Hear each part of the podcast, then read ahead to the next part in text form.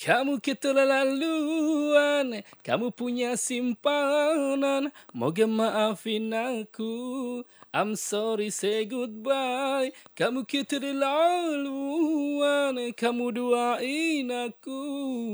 Moga maafin aku, ku harus tinggalin kamu. Masih di Angga The Potters Podcast Podcast terkece sebelah bumi dengan Rico Gomez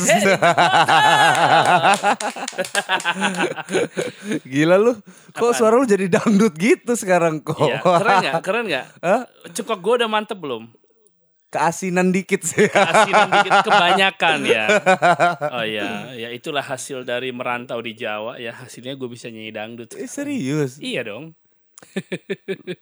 Serius Lu- Gua- Apa tur tur waktu Gue pas tur eh, lima tahun ke belakang dari Hmm. terakhir pandemi di eh, terakhir kan kita nggak boleh tur lagi bulan Maret. Iya tahun Eh, lalu Bulan Maret 2020 ke belakang lima tahun Iya. ke belakangnya gue tur terus Serius lu ke Jawa, Jawa, Sumatera. Iya Jawa full. Jalan sama Sampurna Jalan enggak, gua jalan sama Indosiar, sama MNC TV, sama Antv. Oh Eh, ada sebuah IO yang ada di Bandung, Iya namanya GSP Production. Nah itu GSP. yang yang rekrut gua waktu itu. Si Wanda bukan Yes of course, Oh, kan kemarin udah gua kenalin kan. Eh iya kan gue sering sering nelfon lu kan ya. Iya ah, tapi gua sama Wanda sebelumnya belum kenal. Iya. Kenalnya malah sama kakaknya duluan. Iya gue kenal sama Wanda sama Oke. si Adi Bas dulu tuh duluan Ah, ah. musisi juga kan si Iya. Wandanya kan. Iya benar. tahun 2000 berapa lama banget kenal Udah lama banget. 2008 apa Benar. kenal Wanda 2008 gue masih di mana ya? Masih di Apollo gue. Oh iya lu masih setiap tikungan ada lo Yo, katanya kau setia ya. Setiap tikungan ada. Apollo Band. Apa kabar semuanya Apollo Band? eh iya Apollo Band dong Apollo Band gimana dulu Apollo Band sekarang sih udah sekarang sekarang lagi gimana? bubar enggak, cuma enggak aktif. Secara resmi kita membubarkan diri enggak? yang menggagas Apollo Band di awal tuh siapa Eh, gua sama Yudi, Mm-mm. Yudi main gitar drummer.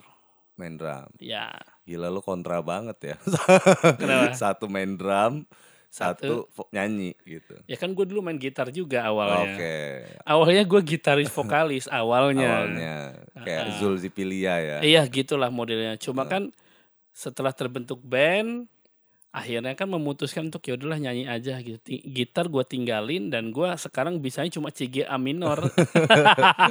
ke G kecil lagi Ah, ah, udah nggak terlatih masalahnya. iya ya udah udah udah nggak latihan gitar lagi maksudnya Udah connect connectingnya udah nggak nggak nyambung lagi antara otak, tangan dan mulut ya kan. iya Saat nyanyi mesti gimana mesti gimana gitu. terus ketemu temunya sama personel tiga personel lainnya Itu si Yudi yang nyari. lu nggak Ya gua lu gua oke kan- aja lah ya ACC oke aja, aja. Gue ini orangnya easy going. Siapa pun dia datang, pasti gue cocok. tapi serius lo Apollo Band tuh yang gue inget tuh cuman cuman lu bro Kenapa cuma gue?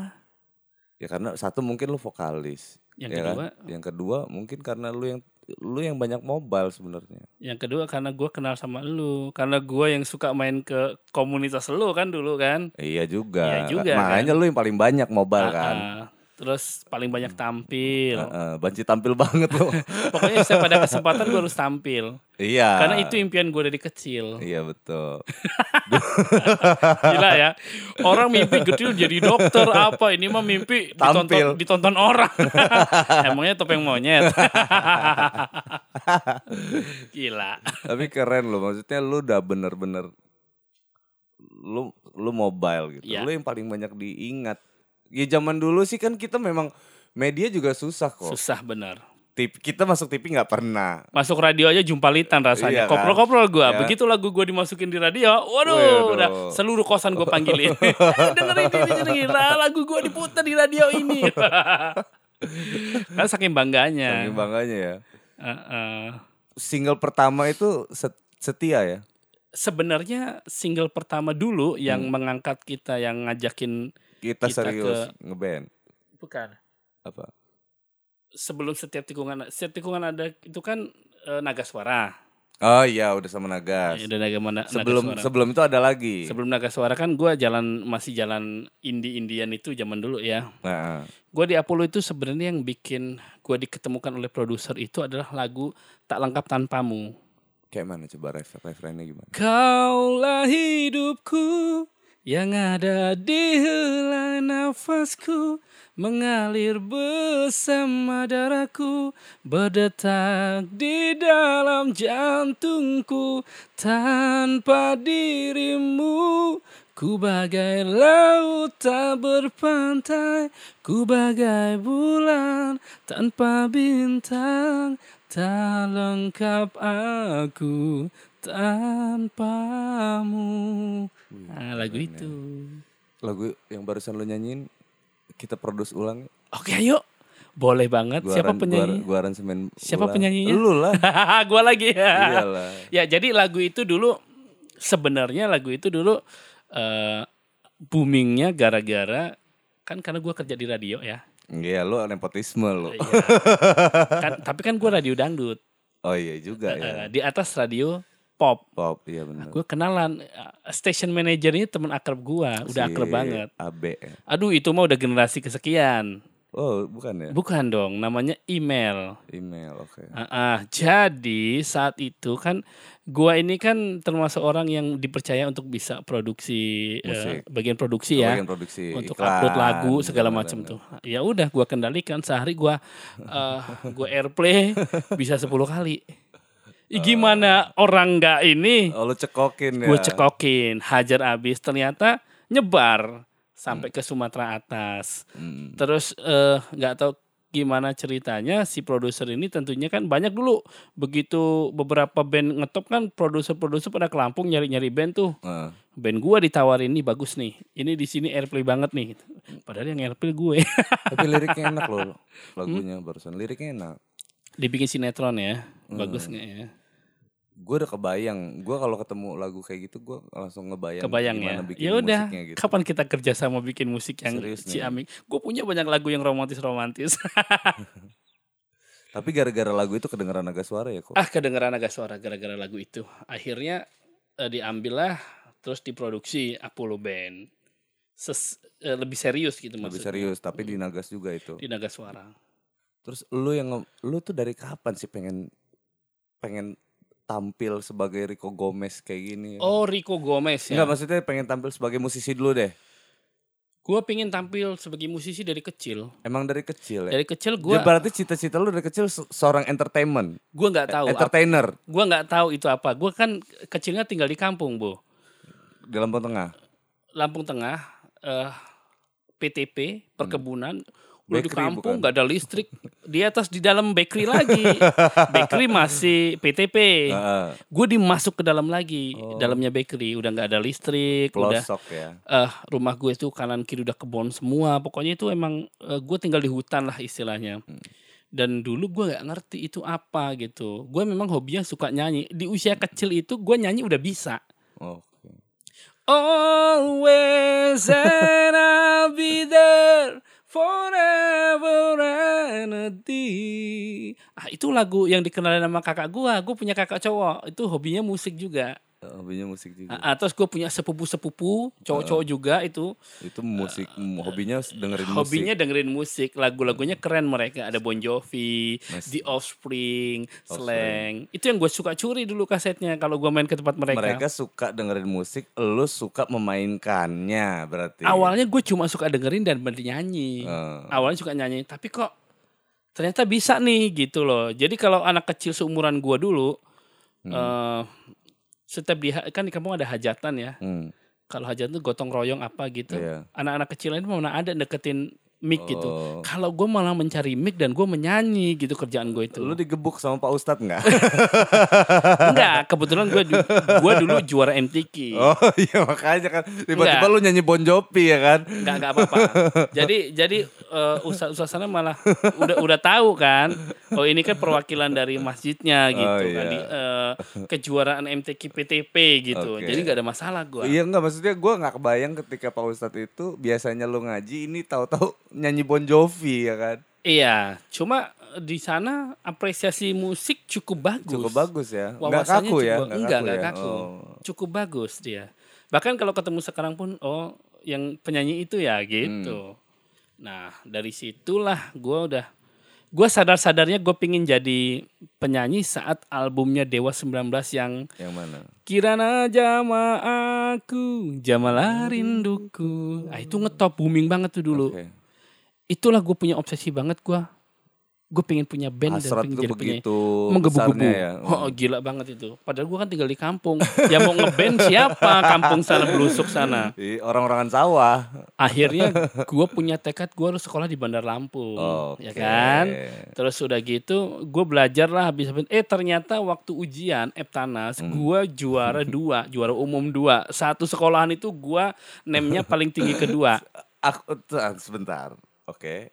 Anda ini ria ya ternyata. Bukan ria. Ini bukan ria. Ini kan berhubungan sama musik oh, ya. berhubungan dengan prestasi ya. Orang Oke. mikirnya berprestasi itu untuk dapat apa gitu. Kalau Iya. gue karena gue pingin Enggak, enggak, tapi emang harus dibilangin kok. Proses tuh nggak mudah, Pak. Nggak mudah. Gue kan Pak. punya mimpi pingin jadi anak band. Mm-mm. Kalau gue sekolah di kampung aja, di sana nggak ada teman gue yang ngeband. Gue gue udah realistis. Jadi Iya. satu-satunya choice adalah gue harus move to Bandar Lampung. kota, iya. Untuk move ke sini, zaman dulu nem itu Harus. memegang peranan penting. Minimal tiga- 40 apa 39 ya? Kalau lo mau ke SMA favorit 42 bro. Oh iya, oke. Kalau 40 mah lo dapatnya yang yang favorit nomor berapa gitu. Mungkin SMA lu kali dapatnya. Mana ada 42 SMA gua. SMA lu mana sih? SMA 1 gua. Oh iya SMA 1. Gue di atas SMA 1. SMA 10. STMTI. Gue SMA 9. Oh, maksudnya tingkatannya Iya. SMA 9. Ah, Oke. Maksudnya di atas SMA lu kan Iya, dulu kan. Ratulangi. Yang gua incer tuh SMA 2 awalnya. Oh, Anda mimpi SMA 2. Oh, enggak mimpi dong. 44 dulu, Pak, 45. Salah karena sepupu saya juga di sana. Sepupu Anda ini nepotisme dari tadi bukan ya. nepotisme. Anda ini menga- me- apa? sepupu gua di situ. Menggunakan network dengan sangat baik kayaknya.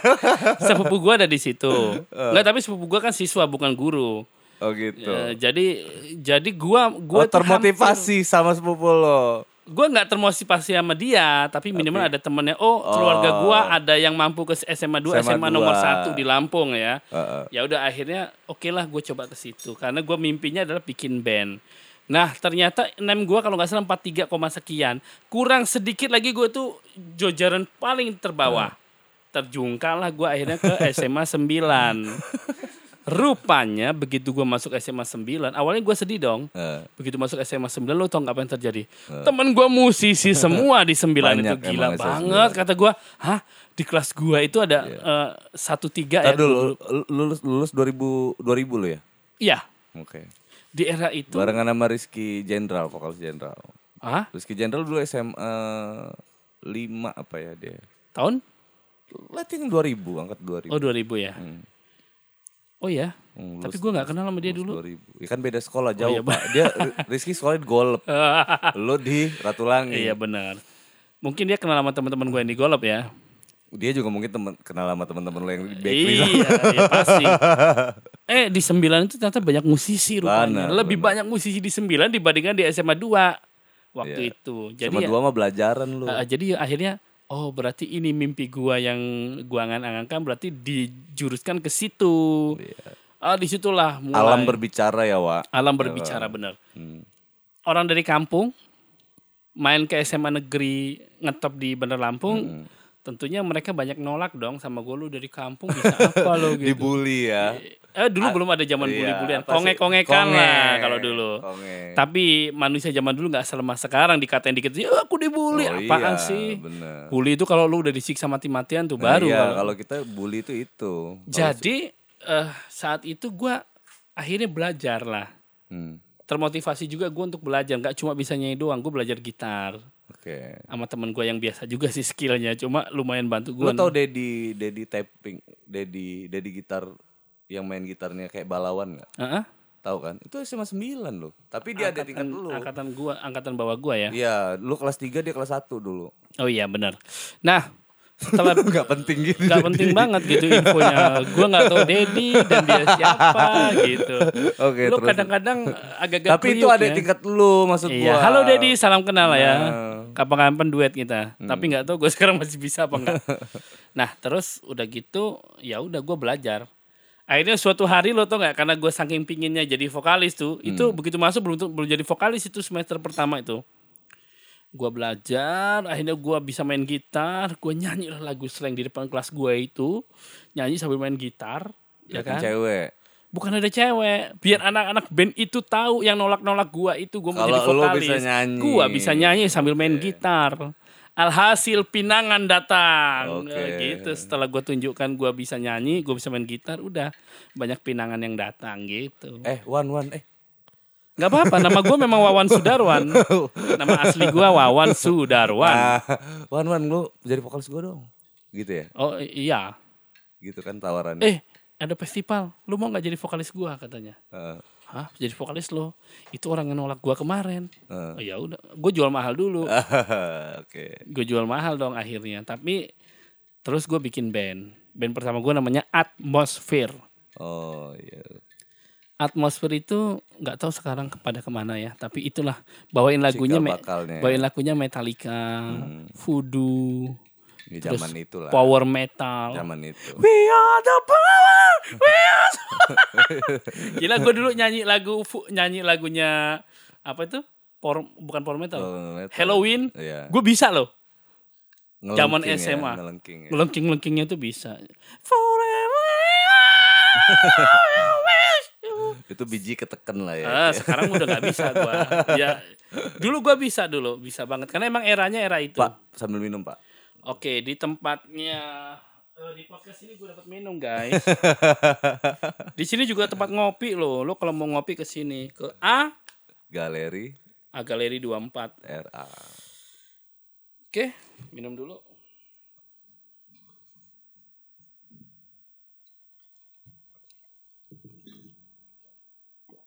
Tapi itu ya.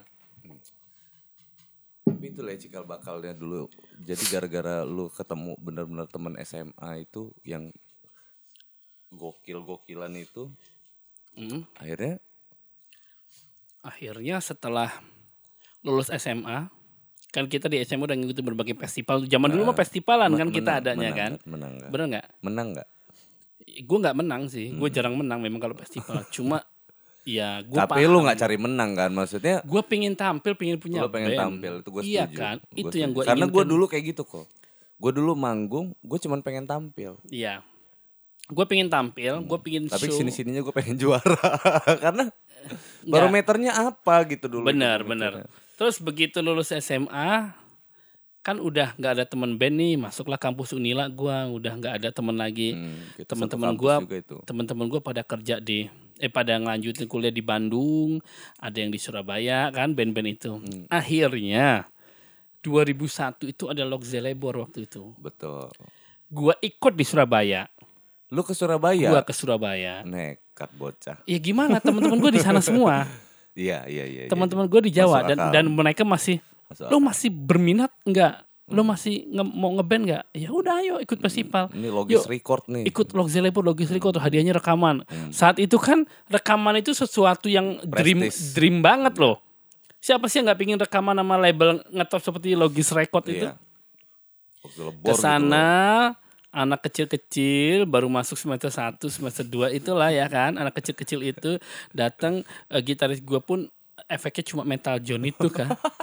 Lawan-lawan kita yang efeknya udah gede-gede, Rock, rambutnya udah gondrong-gondrong Iya. banget. Surabaya kan markasnya rock kan. Iya. Tapi gue saat itu pikiran gue bukan bukan minder atau apa. Oke, mereka di Lampung pada ikut Lokselebor yang di Lampung. Gua ikut di pusatnya nih Lokselebor. Hmm. Kebanggaan gue di situ. Datengin kandang macan ya kan. Benar. Jadi iya ngela apa ngetes PD lah istilahnya gitu. Yang lain final di Surabaya, kita audisi udah di Kita Surabaya. audisi udah di Surabaya. Lawannya orang-orang stres semua. Surabaya tuh sendiri musisinya loh. Iyalah, semua lahir dari situ. rata-rata. Lagunya rocker. apa itu? Itu susu. God bless. Nah itu lagunya kan zaman dulu kan itu. Na na na na na na na. Kehidupan. Nah, lagu itu sama apa satu lagi power metal gue lupa. Timur Judul tragedi. Nah itu Timur Tragedi. Jadi itu pengalaman yang sangat menyenangkan dan sangat tidak terlupakan buat gua sebagai musisi daerah anak kecil yang mencoba untuk Lu naik bermimpi. apa dulu kok ke Surabaya? Apa? Kan lu sendirian berarti lu Surabaya kan? Iya, Naik apa dulu? naik Bis- kereta. Dari sini naik bus ngeteng Sampai Gue ke, ke Bandung. Ke Gambir. Oh, ke, ke Bandung. Bandung. Ke Bandung langsung.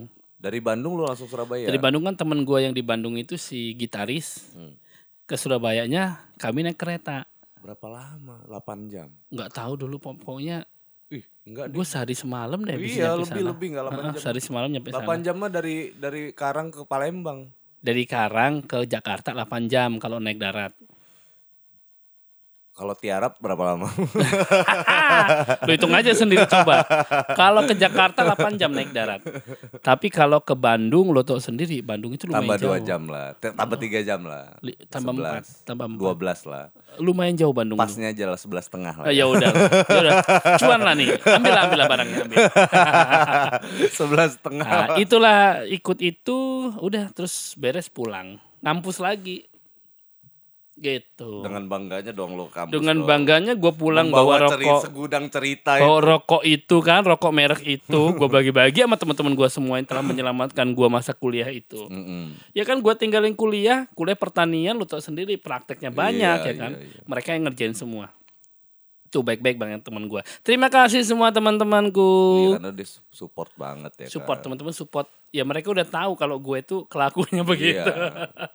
Lu lu lu diomongin juga nggak nggak bakal bisa. Nggak bakal bisa, bakal karena- bisa. Mereka udah julukin gue tuh udah MP3 berjalan. Kenapa? Karena kalau gue dibonceng motor gitu, Hmm. di sepanjang jalan itu gue yang ada tuh nyanyi terus bermacam-macam lagu gitu. Tapi gua komen dikit deh kok. Apaan? Komentar just boleh boleh komen ya. diterima komennya. Lu yang dari pertama bikin lagu ngepop, tiba-tiba lu bikin di Nagas bikin apa setiap tikungan ada. Band lu dari pop itu ke komedi pop malah. Ada komedinya di situ. Iya benar. Why lu kenapa pilih pilih itu? Itu sengaja atau nggak sengaja? Sebenarnya bukan gua. oh maunya Sebenarnya label. itu maunya eh, kompromi. Udah meeting sama lab, band dan label. Yes, manajemen. sudah kompromi dong itu.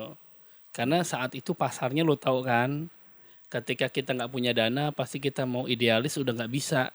Iya. Daripada lo, daripada ja- ini, daripada nggak jadi. ini gua kesempatan eh, go nasional ini udah mimpi nih, gitu kan. Tapi harus merubah kan sebenarnya single utamanya kan, Tapi sebenarnya lu nggak mau bergenre ada komedinya gua gitu. nggak mau. Oke. Sebenarnya gua nggak mau gitu gitu. Cuma di situ gua begitu. Sekarang pun gue malas ngeliat video klip gua. Nah, jadi maksud gua kayak gitu. Jadi bapak-bapak label ya, pemilik-milik label, Iya. eh tolong didengarkan lah, ya kan. Artinya walaupun walaupun kita bicara laku nggak laku, misalkan gitu ya, dia Yes. bicara eh, prediksi yang bakal laku, tapi paling nggak bukan idealis, bukan idealis juga sih sebenarnya. Karena make iya bener. Gue make baju pun kan diatur. iya, Eh, gua harus gimana bajunya apa. Dan lo tahu hasilnya pada akhirnya. Ya lu jadi gua gua ngelihatnya lu tuh malah malah jadi gua bilang nih awa, apa eh, Wawan kok jadi pelawak ya? Gua bilang gitu. Jadi aneh kan, bukan jadi vokalis kayak dulu lagi kan. Benar, gua ngelihat lu Iya. bukan se- so- so- sosok band gitu. Lain sama tim lo ya. Tim lo memang dia memang lawak. Lawak band, memang lawak konsepnya band. jelas. Konsepnya lawak band gitu. Iya sih, ya ya udah. Mau gimana? Terjebaknya dalam lubang yang ya begitu saat itu gitu. Jadi menurut lu itu apa ke kesalahan bukan? Bukan. Kalau gua mau putar balik itu kesalahan. Kalau mau kilas balik zaman dulu, kenapa gua mesti terima ya? Gitu maksud gua. Iya. Kenapa gua nggak mikir dulu ya? Lo mau ngasih apa nih buat gua? Musik gua mau dibawa ke mana nih? Kan pattern yang udah bagus kan sih tak lengkap tanpamu tadi. Iya, tadi Itu makanya udah- nah, itu udah powerful ngeganggu- banget Itu gitu. ngeganggu gua kan. Maksud Itu gua udah- gua ngebandingin sama lagu Setia itu loh kok. Gua nonton lu loh kok. Waktu pas di Teknokrat, Mm-mm. di Teknokrat, gua jadi juri festival Jepang waktu itu. Ya, Gue jadi juri di situ, festival band. Lu bintang tamu tuh, ya Apollo udah. Band. Ah bener. Dan di situ gua kaget ngeliat lo. Yang lain mungkin ngerasa kehibur, tapi gua nggak, gua enggak. Kok jadi aneh gitu ya? Iya, gua karena gua bilang kok kok kawan jadi kayak gini gitu. Wan lu ngelawak apa gimana gitu. Kayak Ya gua akhirnya karena karena gua paham oh mungkin dia entertaining lah. Udah iya, konsepnya ya. itu doang yang gua iniin gitu. Maksudnya yang bikin gua maklum di situ. Tapi itu beda beda banget. Itu pun sebenarnya eh, detik-detik terakhir sih lagu itu kan gue udah punya materi berapa tuh ya? Lupa gue berapa materi. Tinggal satu lagu lagi gitu kan. Setor dong satu lagu gue kirim berapa lagu. Yang kepilih itu gitu. Nah ini lagunya. Uh, uh, jadi yaudah ini aja jadi single pertama. Ya udah mau gimana? Sebenarnya teman-teman itu maunya tak lengkap tanpamu pertama. Karena Hmm. apa? Karena kita tahu kekuatan lagu itu awalnya. Iya. cuma ya udah begitu itu nongol eh, tak lengkap tanpamu udah melempem udah lewat masanya momennya gitu. Iya. Karena waktu itu momennya di sini lagi bagus kalau di bawah nasional kan lebih bagus lagi sebenarnya gitu. ber berantai Harusnya tapi kan makin melu- melebar gitu tapi kan penilaian eh, dari pihak label pun berbeda dari pihak manajemen gua dulu berbeda kan Mm-mm. ya udah lu siapa Iya sih, itulah jeleknya kapitalis. yes Mbi kemarin cerita banyak soal ini. soal Gua kehilangan. begini. Iya, gua gua mulai kehilangan passion membuat lagu itu ketika gue di label. Dia langsung drop. ya mungkin iya ya gue juga ya gue sekarang bikin lagu males lu Iya. Dia bilang kayak gitu. Gua kaget kan. Makanya aduh. Ngeri juga lah. Kritisi pedas lah soal itu gitu. Jadi maksud gua label tuh memang harus jangan mikirin duit doang ya iya dong. walaupun kamu pemodalnya tapi kan kita juga pihak yang dimanfaatkan dalam tanda kutip untuk eh, memutarkan uang anda gitu Artinya kita sebenarnya band atau musisi atau artis yang dikontrak label statusnya bermitra dong, harusnya bukan bawahan kan? Tapi saat itu kebanyakan teman-teman yang lain juga di label itu itu nggak ngerasa bermitra karena musiknya itu berubah dirombak habis-habisan. Menjadi apa? Menjadi ini, menjadi itu. Hmm. Banyak teman-teman dari Lampung juga kehilangan jati diri dan jiwanya Iya. ketika udah di label kan. Oh banyak banget. Contoh, Hmm. gue sebutin nggak? Gue dulu ngefans sama namanya BAG. BAG. Gue suka. Orang ngomong dia mirip Sheila Sheila on on Seven. Seven, tapi menurut gua enggak. Hmm. karena dia punya karakteristik yang agak berbeda dikit ya. Hmm. Walaupun mirip, cuma beda. Banyak kok kayak gitu mirip tapi kan beda gitu. Iya. Di saat lagu yang itu, gue suka tuh lagu itu, yang dong teng dong tet Hmm, dong teng dong dong. Itu itu enak banget. Itu itu di kuping banget. Hmm. Begitu nongol jadi BAG yang baru, aduh. Lu ke mana Andi? lu ke mana yang gue dulu kenal gitu. Itu sama seperti lu, Jenderal. Hmm. Jenderal juga Jenderal kan ganti vokalis. Kalau Jenderal masalahnya itu Oh, Jenderal ganti vokalis. ganti vokalis. Dulu kan zaman Indra. Ya. Indra kan sebaiknya gitu kan. Oh iya benar benar benar. Ya, Kalau- Jenderal beda memang case-nya sama, sama BAG ya. Beda, beda. Terus si ini Seven Sky. Hmm. Gue itu sangat satu eh, salah satu orang yang sangat mengagumi aksi panggung mereka, Hmm. cara main musik mereka. Di era itu menurut gue dia the best musician lah. Hmm, ya. Karena di Rock setiap eh, karena di setiap gue nge-MC itu mereka jadi opening itu auranya keren banget. Mm-mm. Dan band aslinya malah ketutup nih dengan aura mereka. Iya. Tapi kenapa begitu udah di label kok lagunya jadi nggak jelas gitu gitu loh. Mm-mm. Maksud gue tuh nggak nggak sesuai dengan sosok mereka di sini gitu. Mm-mm. Kenapa ya? Nah itu, nah banyak yang- banyak apa yang salah menurut lo tuh? yang salah ya kompromi lah. Iya sih. Karena gini bro, kita pihak yang lemah. Musisi era itu nggak punya uang. Kita pergi ke Jakarta itu seperti sebuah mimpi. Iya. Sementara di sana mereka yang punya duit. Lu kalau nggak mau kita takutnya gini. Lu kalau nggak mau ngikutin gua ya udah. Hmm. Gua nggak produksi lu. Gue cari band lain. aja. Ha-ha, sementara kita, Kita- bermimpi banget pingin menerbitkan karya kita di kancah nasional. Nah, itu permasalahannya. Tapi begitu itu dar pecah telur, begitu jalan karena idealismenya nggak sama dengan band itu, tujuan awalnya lagunya apa? Ujung-ujungnya ya goyang juga dalam band itu. Iya. Karena kan kok jadi kayak gini ya? Lu Malah apa? Lu ada apa? ada ada kecenderungan menjadi perpecahan di band juga salah satunya Itu. kompromi itu. Karena pergantian genre musik yang Hmm. bikin kan main musik itu kan jiwa. Iya. Dia jadi nggak nyaman. Jadi apa? Iya kan? Iya, banyak banyak banyak kok. Jadi band perpecahan band tuh timbul gara-gara itu, gara-gara Ya itu kompromi. dia. Gara-gara kompromi dengan produser ya. Iya. Dan terus ada beberapa hal misal karena untuk mengejar mengejar eh, jam emang itu duit sih. Kayak recording gitu. Iya. Shift. Sip, ngejar sip. Udah ganti aja pakai musisi Iya, joki, joki. Iya. Jadi satu album itu paling yang asli paling berapa gitu. Hmm. Sisanya joki semua. Itu kan soulnya udah beda bro Iya. sama pemain aslinya gitu. Dulu kenapa lagu tak lengkap tanpamu itu bisa booming ya karena memang original Original. mereka yang bikin. Main pakai hati ya. Iya. Mau mau itu bagus atau bu jelek gitu, itu kan penilaian orang. Iya. Oke, Selera dong. Nah makanya jadi ya udah bubar kan akhirnya. Hmm. Bukan bubar sih sedieman. Sedieman dan nyari aktivitas Itu masing-masing. gak enak tuh kalau sebenarnya. Terus kenapa lu ada di radio? Nah, ini yang mau gue tanya nih. Ada di Tiba, radio. Tiba-tiba Check one two. emang pengen atau batu loncatan? Radio dengan Apollo duluan radio dong. Radio dengan Apollo duluan radio. Duluan radio. Gua Nah, oke, lu kenapa masuk di tiba-tiba masuk? Itu batu loncatan kan ngaku lu. enggak, enggak. Jadi gini. Gua dulu di tahun 2000 masuk Unila. Hmm. Pertama kali gua masuk UKMBS. Rakanila. UKMBS dulu. Oh, belum. Beda sama Rakanila tuh. Beda ya. Seni bidang seni yang teater. Iya, unit kegiatan mahasiswa Bidang seni. bidang Gue masuk teater UKMBS tapi berlangsung cuma berapa bulan gitu. Kenapa? teater karena itu ya. iya, Oke. karena gue gak bisa mengikuti latihan mereka karena karena di pertanian itu strict banget waktunya. Oh, iya. Pagi-pagi sampai sore pokoknya gue itu kuliah dan Hmm. latihan itu gak bisa gue ikutin. Akhirnya gue berhenti dari UKMBS tapi gue udah separuh mendapatkan pelatihan lah, pelatihan eh, karakter untuk eh, mentas gitu kan. Hmm. tahun 2001 gua ini kan orangnya nggak bisa diem Hmm. anak kosan bingung gua kalau sekolah eh kuliah balik lagi kosan gitu gitulah gitu apa nih yang ini nah waktu itu kan gua kan memang udah jadi musisi tuh Hmm. yang masih berhubungan sama teman-teman gue yang di Jawa masih masih ngeband sama mereka tuh Hmm.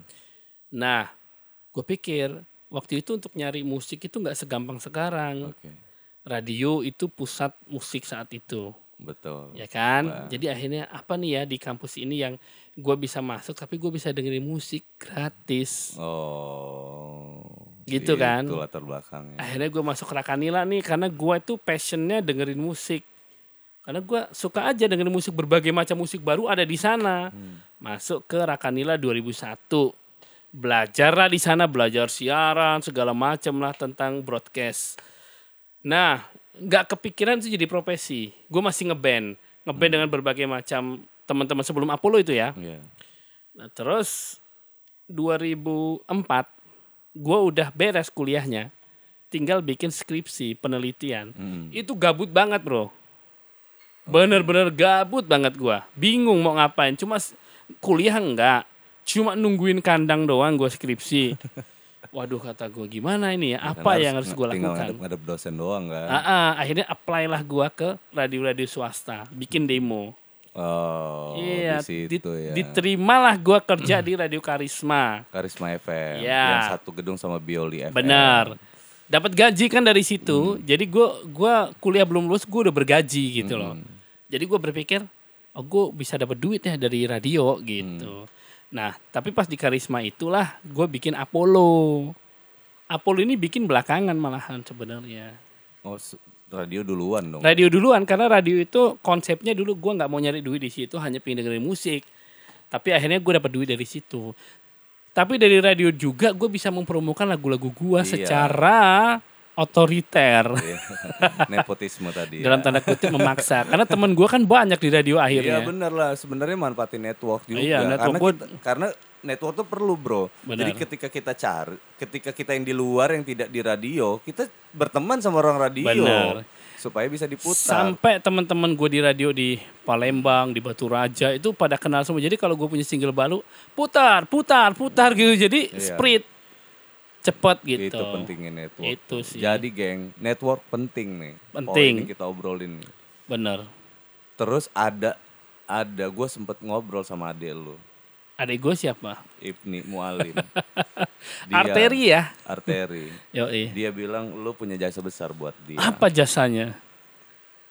Kalau nggak ada lu, dia mungkin udah jadi anak STM berandalan. Itu anak berantem mulu tuh ya. Berantem Dia- terus. Dia tuh jadi sosok yang apa namanya lucu, ah. ya kan? Lucunya ketularan dari lo kayaknya. Oke. Terus musisi jago berbakat. Nah, itu dia nggak gue sangka. Iya.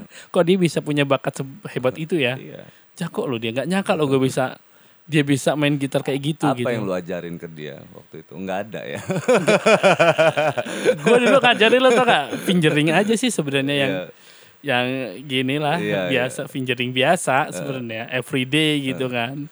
Apa mau yang memotivasi lu kenapa lu ngajarin dia bermusik? Ya gue pingin aja dia bergaul. Dia kan dulu eh, gue kan gue sama dia itu jaraknya lumayan cukup jauh ya. Berapa tahun sih lama ini? Sama gua aja lumayan loh.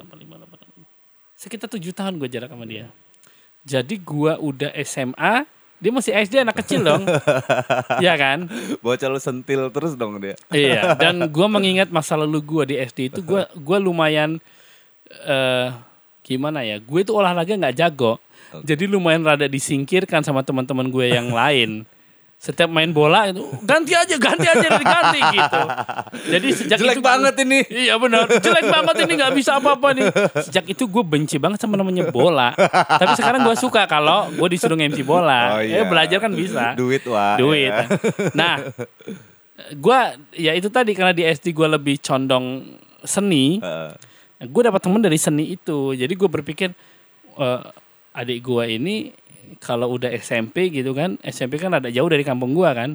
Nanti temennya siapa gitu udah kepikiran gitu. Dia harus punya skill minimal main gitar supaya banyak temennya. Oh gitu motivasi. Karena gue banyak temen itu dari main gitar kalau Iya. gua. Tapi dia tuh sebenarnya cita- cita-citanya menjadi loh. Bujang serem udah. Udah serem kan? Iya. Dia aku ini menjadi booster mas kata dia. Gokil emang ya. Bro, lu lu uh, gue tuh lagi kepikiran gue pernah jadi host di Tegar itu tentang mistik-mistik gitu. Lu lu tahu lu punya pengalaman mistik gak sih? Mistik, mistik itu yang di bibir itu ya. Lipstick, Wak. itu lipstick, ya kan? Atau yang untuk main biliar. itu stick. Oh itu stick, PS. Ya. Oke. ya. Iya kan main biliar bisa lah. Gue dulu nggak percaya sama mistik. Eh, eh, tepatnya beberapa tahun yang lalu Kita lah. kan orang Islam nih, kita kan harus meyakini yang gaib juga. Iya, gue tahu ada pasal itu. Iya kan. Cuma gue berpikir bahwa kalau orang-orang percaya mistik itu larinya dukun lah apalah gue tuh nggak suka gitu orang-orang banyak yang Kalau nonton gitu. nonton film kan ada yang dicekek setan. itu dia ya. Padahal nggak mungkin kan? Iyalah. Lo mungkin gak dicekek setan? Lo tidur gitu tiba-tiba setannya datang nyokek lo nggak mungkin kan? Gue malah mimpi di dicekek debt collector. itu yang setan yang sesungguhnya kan. Nah, gua gue sebenarnya percaya mistis. Cuma gua nggak terlalu mengagumi gitu loh. Mm-mm. Tapi suatu hari gua memiliki pengalaman yang rada eh bikin gua oh ternyata dunia mereka tuh eksis di sekitar kita ya gitu bro. Jadi ceritanya di tahun 2000 berapa ya? Gue lupa tepatnya tuh, tapi jauh sih, jauh ke belakang gitu. Itu gue main dengan keluarga gue di sebuah pantai. Eh, sekitar 2011-an lah, 2011 2012 ya. Hmm. Main di sebuah pantai ngetop di Lampung. Di mana ngetop di Lampung? Ya gue nggak perlu nyebutin nanti pantai itu nggak laku lagi. Oke. Yang ngetop di Lampung kan pantainya banyak. Di salah satu pantai ngetop di Lampung, main ke situ. Eh, Orang juga pada family vacation ke situ semuanya. Mm-mm. Nyampe di situ, gue mandi nih bro. Hmm. Ini kisah awalnya nih. Oke. Mandi biasa kan renang di Eh, pinggir pantai. mandi di laut. Mandi di Iya, laut. Oke. Seperti biasa, gue masuk tek, tek, badan gue kayak digigitin tek tek tek tek, tek gitu. Keinjek bulu babi. Ah, gue pikir itu. Oke. Aduh kata gue kenapa nih? Gue keluar lagi. Tapi rasanya udah hilang nih. Gue nyoba ah masuk lagi. Masuk lagi gue. Makin dalam. Makin tek, tek, tek, tek, kayak, kayak di, digigitin sesuatu gitu. Hmm. Apa ya bakteri apa apa ya di sini ya di. Gue nanya sama adik gue nih samping gue. Eh lu mandi ada yang gigitin lu nggak? Nggak ada biasa aja. Hmm. Kok gue ada yang gigitin ya? Gue pikir malah kayak udang-udang kecil atau apa gitu kan. Hmm. Gue lihat lautnya enggak juga. Gue nyoba sekali lagi, makin digigitin badan gue. akhirnya gua ya udahlah gua nggak mandi akhirnya kan. Gua akhirnya ngebilas duduk aja. Terus begitu pulang di daerah sini gua nih Hmm. di apa namanya di di sinilah di belakang punggung ini Hmm. ada dua bintik merah. Dua bintik merah ini makin hari gua biarin makin gede. Hmm. ya kan? Akhirnya gua tel gede lagi. Waduh bermasalah nih gua nih dengan kulit berarti. Terus gua ke dokter. Ke dokter yang di samping apotek enggal itu kan ada tuh ke dokter kulit di situ iya. terus dilihat sama dokter kulit itu ini mah kena virus morbili mas kata dia oh gitu ya dikasih resep enak tuh resep ini begitu gua giniin udah agak ada mending. apa namanya Bintik. adem lah Hmm. Tapi anehnya nggak hilang-hilang bro. Hmm. Nambah lagi beranak lagi ke bawahnya, nambah lagi gitu kan. Hmm, hmm. Waduh kata gue terus gue habis dua dua kali resep tuh, Hmm. dua mingguan dong berarti. Hmm. Malah banyak sini gue nih, gatelnya nggak ketulungan. Terus udah gitu suatu hari ya adalah seorang dibilang kiai bukan, ustadz juga bukan lah, orang yang bisa gitu ya. Hmm. Dalam tanda, cuma dia bukan dukun loh dia. Dia seorang satpam di sebuah perusahaan. Tapi dia punya ilmu kebatinan bagus. Iya. Datang ke rumah mbak gua, dia lagi mau ngobatin seseorang juga di situ. Gua nanya, Pak coba Pak tolong dicek sini saya gitu. Hmm. Mungkin mungkin ada menurut bapak sakit apa gitu. Dilihat sama dia gini. Hmm. Coba loh. Senggat. Dor. Kamehame, Kamehame. Terus, oh, gue nggak bilang kalau gue dari laut. Kamu dari Oh. laut ya? Oh iya pak. Bohong. Oh enggak. Iya, emang iya. Oh, Enggak, iya. dia kamu dari laut ya? Iya pak. Oh, maksudnya lu lu terkejut waktu pas dia tahu lu dari dia laut. nanya, kok dia tahu gue dari laut gitu diginiin aja sama dia. Kamu dari lautnya? Iya pak. Oh, kamu ini menginjak istana mereka katanya.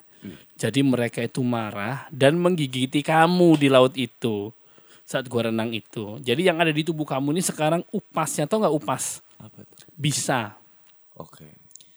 Ini makhluknya kata dia seperti lele, palanya bulat, gede, tapi Tidak berkumis. Oh, enggak. tidak berkum ya kumisan kayak lele tapi badannya kecil kata dia oh gitu jadi yang ada di badan kamu ini sekarang tinggal bisa bisanya jadi ini akan tumbuh terus jangan sampai dia sampai ke kelamin Oh, kalau ini sampai ke kelamin ininya apa bisa itu. bisa itu selesai. lu lewat Iya.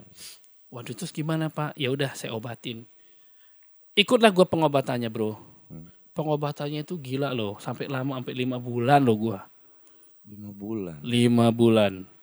Jadi itu pengobatannya itu memang herbal pertama. Hmm. Yang kedua ya kayak ada eh, mandi bunga tujuh rupa. Mm-mm. Oh, ada yang gitu-gitu. ya? Ada itu beneran. Jadi banyak banget gangguan yang gua alami saat itu. Obatnya itu itu terus Artinya lu selama selama diobati herbal seperti itu, lu masih diganggu sama pihak-pihak itu ya? Iya dong, Mistik karena kan belum sembuh, lagi proses. Dan dan gua harus mengeluarkan si bisa ini dari tubuh gua, karena makin lama makin melebar bro. Berarti Sampai tangan-tangan gua tuh ini bonyok nggak nge- semua. nggak ngebiarin lu diobatin berarti. Siapa itu? Enggak, Makhluk gaib itu. enggak. Jadi eh, lu harus ke laut lagi ya. Hmm. Lu ke laut di mana posisi lu saat itu lu ambil pasirnya. Mm-mm. Gua ambil pasirnya. Ke sana lagi gua ke laut lagi gua ambil pasirnya. Jadi obatinya itu selain herbal-herbal yang tadi gua setiap maghrib itu gua harus menyangrai pasir pantai itu. Mm-mm. Gua taruh di kain, gua taruh di sini. Kalau orang biasa pasti nggak akan kerasa. Iya. Tapi ini rasanya lu tau nggak kayak lo disundut pakai arang. Hmm. Nyok sakit bener. Aduh itu semuanya itu dari dari punggung, dari depan sini yang yang suka suka apa bantu itu bini gua. Hmm. Kalau gini kita te- tempel gini aja pasirnya. Hmm. Ada sesuatu yang jalan dari sini. Set. Ya upas-upasnya tadi pada jalan. Oh Set ngisa pas gitu udah itu ya. hilang terus terus set gitu. Hmm. Untuk ngisep isi upas-upas ini. Mm-mm. Nah, itu kan dari dari gua yang nggak percaya jadi gua ngikutin kan karena gua Hmm. pingin sembuh kan. Iya. Di saat pingin sembuh itu pun keyakinan gua pun masih kok pengobatannya kayak gini sih? kok Iya. pakai begini-gini sih kok pakai terus yang mandi kembang tujuh rupa itu kan gue udah ke rumah si Hmm. Teman lo ini. bapak ini Hmm. ini nanti dimandiin sebelum maghrib Mm-mm. di rumah kamu sama jam 12 malam. Jadi dari panjang Hmm. kan gue dulu rumahnya di dalam matang itu kan Mm-mm. istriku kerja di BW sana. Hmm. Dari panjang itu Batu Solo sampai ke atas itu lo tau nggak? Motor gua itu putus rantai tiga kali. Putus rantai ganti baru lagi, jalan lagi putus lagi, ganti Baru, lagi, Padahal. baru bro. Jadi gua nggak ngerti kenapa hari itu pas gua mau mandi kembang tujuh rupa itu putus rantainya cepat banget di jalan itu. Diganggu. Gua nggak ngerti siapa yang ganggu, tapi kan nggak kelihatan. Iya. Akhirnya gue berhasil nyampe rumah setelah maghrib, sebel- bukan sebelum maghrib malahan. Setelah maghrib ya udah, gue bilang lagi, kok ini gimana ya? Yaudah mandi aja nggak apa-apa. Mandi pakai kembang tujuh rupa itu kan gue mandi. Hmm. Pintunya gue buka dong. Gue takut saat gue mandi ada apa gitu. Hmm. Tiba-tiba kan, gue buka pintunya. Pokoknya gue udah mandi, udah malam lagi harus mandi jam 12. Itu paling serem tuh gue. Waduh ada apa ini ya nanti ya pas gue menjem mata melek apa nih gitu. Tapi nggak ada apa-apa ternyata.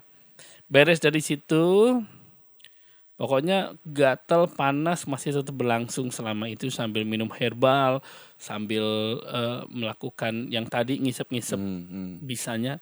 Terus udah mau dekat-dekat sembuh kata yang ngobatin nih. Kamu sebentar lagi mau sembuh. Ngundang 41 orang untuk riungan. Ya Allah. 41 nih. Kenapa 41? Itu syaratnya, syaratnya dia.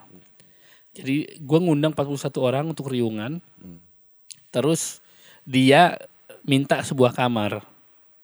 Siap dia itu siapa? Ya yang ngobatin. Oke. Minta kamar.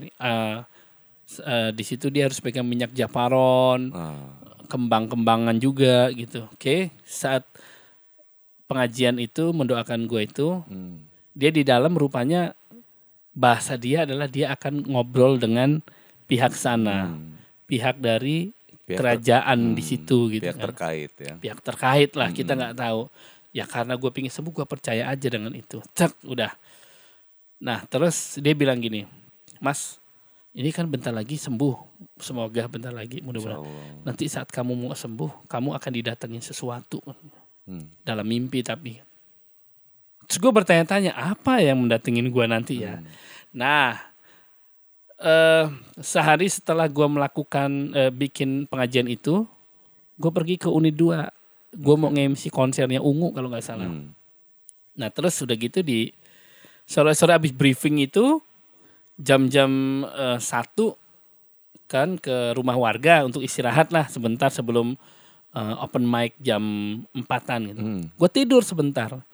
Bro di dalam tidur itu bro gue didatengin kelabang gede banget. Ya Allah. Lu tau gak kelabang segede-gede gaban itu datang ke gua dalam mimpi gue itu. Prrrr. Mau makan lu. yang yang yang kakinya eh yang kakinya banyak itu Hmm. ngelibetin badan gua Shhh, badan gua dilibetin tapi di situ gua berusaha untuk lepas gua tarik sama gua kan lepas akhirnya dia Hmm. nah tangan gua ini jadi apa bengkak ini semua apa? Air semua di sini. Kayak isinya air bengkak semua itu. Hmm. gua dalam mimpi itu bingung ya Allah ini gimana ini? Hmm. eh dalam mimpi itu bokap gua datang. Hmm. bokap kandung gua kan datang dia. Dia nyembuhin gua di situ. Kempes lah dia. Hmm. terus gua bangun. Udah keringetan banget itu. Mimpinya cuma lima menit tapi kayaknya itu nyata Iya. bener. Akhirnya gua nelpon lah yang ngobatin gua. Ini gua barusan ngimpi didatengin kelabang kenapa ya? Karena gue inget kalau mau sembuh bakal didatengin sesuatu Iya. kan. Oh iya mas kata dia. Kodam saya semalam kalah sama yang di sana katanya. Kodam saya dadanya robek kata dia gitu. Hah? Kodam anda robek kata gua kan. Hmm. terus gimana nih pak? Ya dia minta disembuhin. Kalau nggak disembuhin kamu juga bakal diganggu juga sama kodam saya kata dia. Jadi ini pertarungan antar kodam akhirnya. Oh. Akhirnya gua waduh. syaratnya apa pak? Ayam cemani. Ya nggak gitu ngomong ya. Iya. minta ayam cemani. Gue nyari di mana ayam cemani pak? Gue bilang gitu kan. Kalau di pasar itu kan dicat semua pasti. Mm-mm. Warna pink. Tadi dulu. Aduh tadi dulu. Sabar. Ini dikat ya ini ya bagian ini ya. Gue udah bawa nih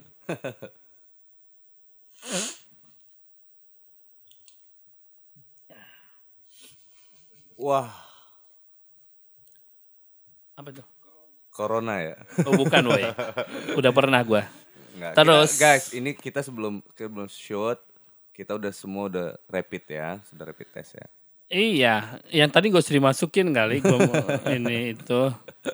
Kita lanjut lagi eh, di Kodam. bukan ayam cemani. Mm-mm. Terus gue bilang sama bapak itu, ya udahlah bapak yang cari aja. Oke, akhirnya besoknya gue ke rumah dia. Waktu itu kan belum ada, dia tuh kayaknya nggak punya rekening deh dia. Jadi gue nggak transfer duit bro. Gue pasti kalau ada urusan apa apa gue mesti ke- datang ke rumah dia. Hmm. Gue kasih duit, dia belilah ayam cemani. Hmm. Terus malamnya dikerjain sama dia. Oke. Lu tau nggak besoknya apa yang terjadi? Misalkan hari ini gue mimpi, terus besoknya dia gue datengin, besoknya lagi pagi, semua eh, merah-merah di tubuh gue yang di seluruh tubuh ini yang blonyok itu hilang bro, hilang dan gue kulit gue jadi kayak gini lagi tanpa ada bekas apa pun. Ngeri nggak lo? Gue lihat pagi-pagi, hah? kulit gue udah balik lagi dan itu nggak ada bekas koreng atau apa itu kan itu kan itu kan dia merahnya itu merah blonyok gitu loh Iya. di kulit gue itu hilang semuanya gue langsung nelpon bapak itu pak merah-merahnya hilang semua. Alhamdulillah kata dia berarti Allah mengizinkan kamu sembuh. Akhirnya gue sembuh. Terus dia nasihatin gue ini nasihat paling penting untuk kamu semuanya ya. Hmm, hmm. jadi gini, dia menasihati gini, makanya mas, ketika kita mau tamasya Hmm. di mana pun tempatnya, kamu itu harus kulon mas, Izin. izin. Minimal baca A'udzubillahi minasyaitonirrajim, Bismillahirrahmanirrahim. Udah. Jadi eh, permisi gitu dalam hati aja saya numpang main. Kita nggak tahu kerajaan mereka itu ada di mana. Eh, kita kan nggak tahu. Karena gaib. Ya. Orang laut segitu luasnya pinggir pantai. Hmm, Ternyata dia bikin istana di pinggir Eh, laut. eh, emang gue tahu gue nginjek dia gitu. Mm-mm. Ternyata marah dia. Gue diserang gitu sampai lima bulan. Masuknya cuma gocap. Beresinya Hmm. banyak banget. Lebih ke dari 5 juta kali gue. Iya, Ritual-ritual segala macam itu. Hmm. Belum sakitnya, belum mana gitu. Harus izin ke mana-mana. Itu dia kisahnya. Pesannya di situ. ya. Lo gimana? Pernah juga? Pernah sih, tapi nggak menarik kayaknya. Gak menarik ya. Punya gue sebenarnya gak menarik sih. Bukan, eh tapi ini saksi matanya banyak. Ada Mm-mm. IO Inline Production. Ya. Zaidan, Boski itu teman-teman gue yang suka jalan tuh, itu tahu banget gue punya masalah itu dulu, masalah kulit itu. Mereka pikir gue itu eh, apa namanya kudisan, Iya. padahal itu bukan kudis, Itu kurap. itu kurap, kurap ajar, Hai.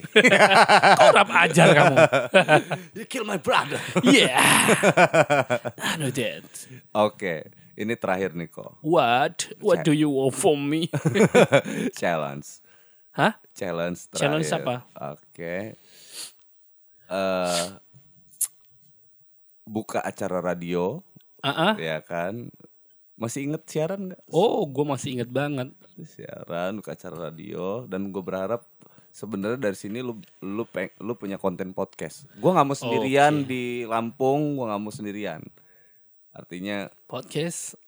hmm, Apakah anda setuju saya bikin podcast? gimana geng? Setuju nggak? Komentar Komen ya. dong. Komen ya nanti ya. Jangan diem-diem baik. Udah kuotanya banyak juga nggak komen-komen lu. Challenge-nya buka opening radio, opening radio Sama karisma ya. ya. Habis itu kenalin satu produk apa, Heeh. oke? Oh enggak, jangan jangan produk deh. Berita aja deh. Oke. Oke, kasih info satu info kemudian putar lagu Yo, terakhir. Ini buat nutup podcast kita, Bro. boleh jadi. Oke. Opening radio, kasih tahu info. Biasanya gitu kan kasih tahu info, kemudian apa namanya? Putar lagu. Oke, ya. Udah. Oke. 105,9 Karisma FM jagonya Danur Labung. Halo, halo. Karismanya di lingkar laporan sekitar. Temu suara lagi dengan DJ Rico di Dangdut Radio Action The Force DJ Style in Lampung. Dan tentunya selama 2 jam ke depan kita akan ajub-ajub bareng guys dengan lagu-lagu funky house yang keren banget di sini dan banyak banget info-info untuk kamu yang bakal gue kasih nanti ya. Oke, untuk menikmati suasana sore hari ini first song dari Titi Kamal dengan Jablay. Eh, Rico Gomez guys. Bye. Itu opening gua. Udah nih bye nih. Oh, udah bye. Bye bye. Oke. Masih mau nambah lagi gua. Thank you.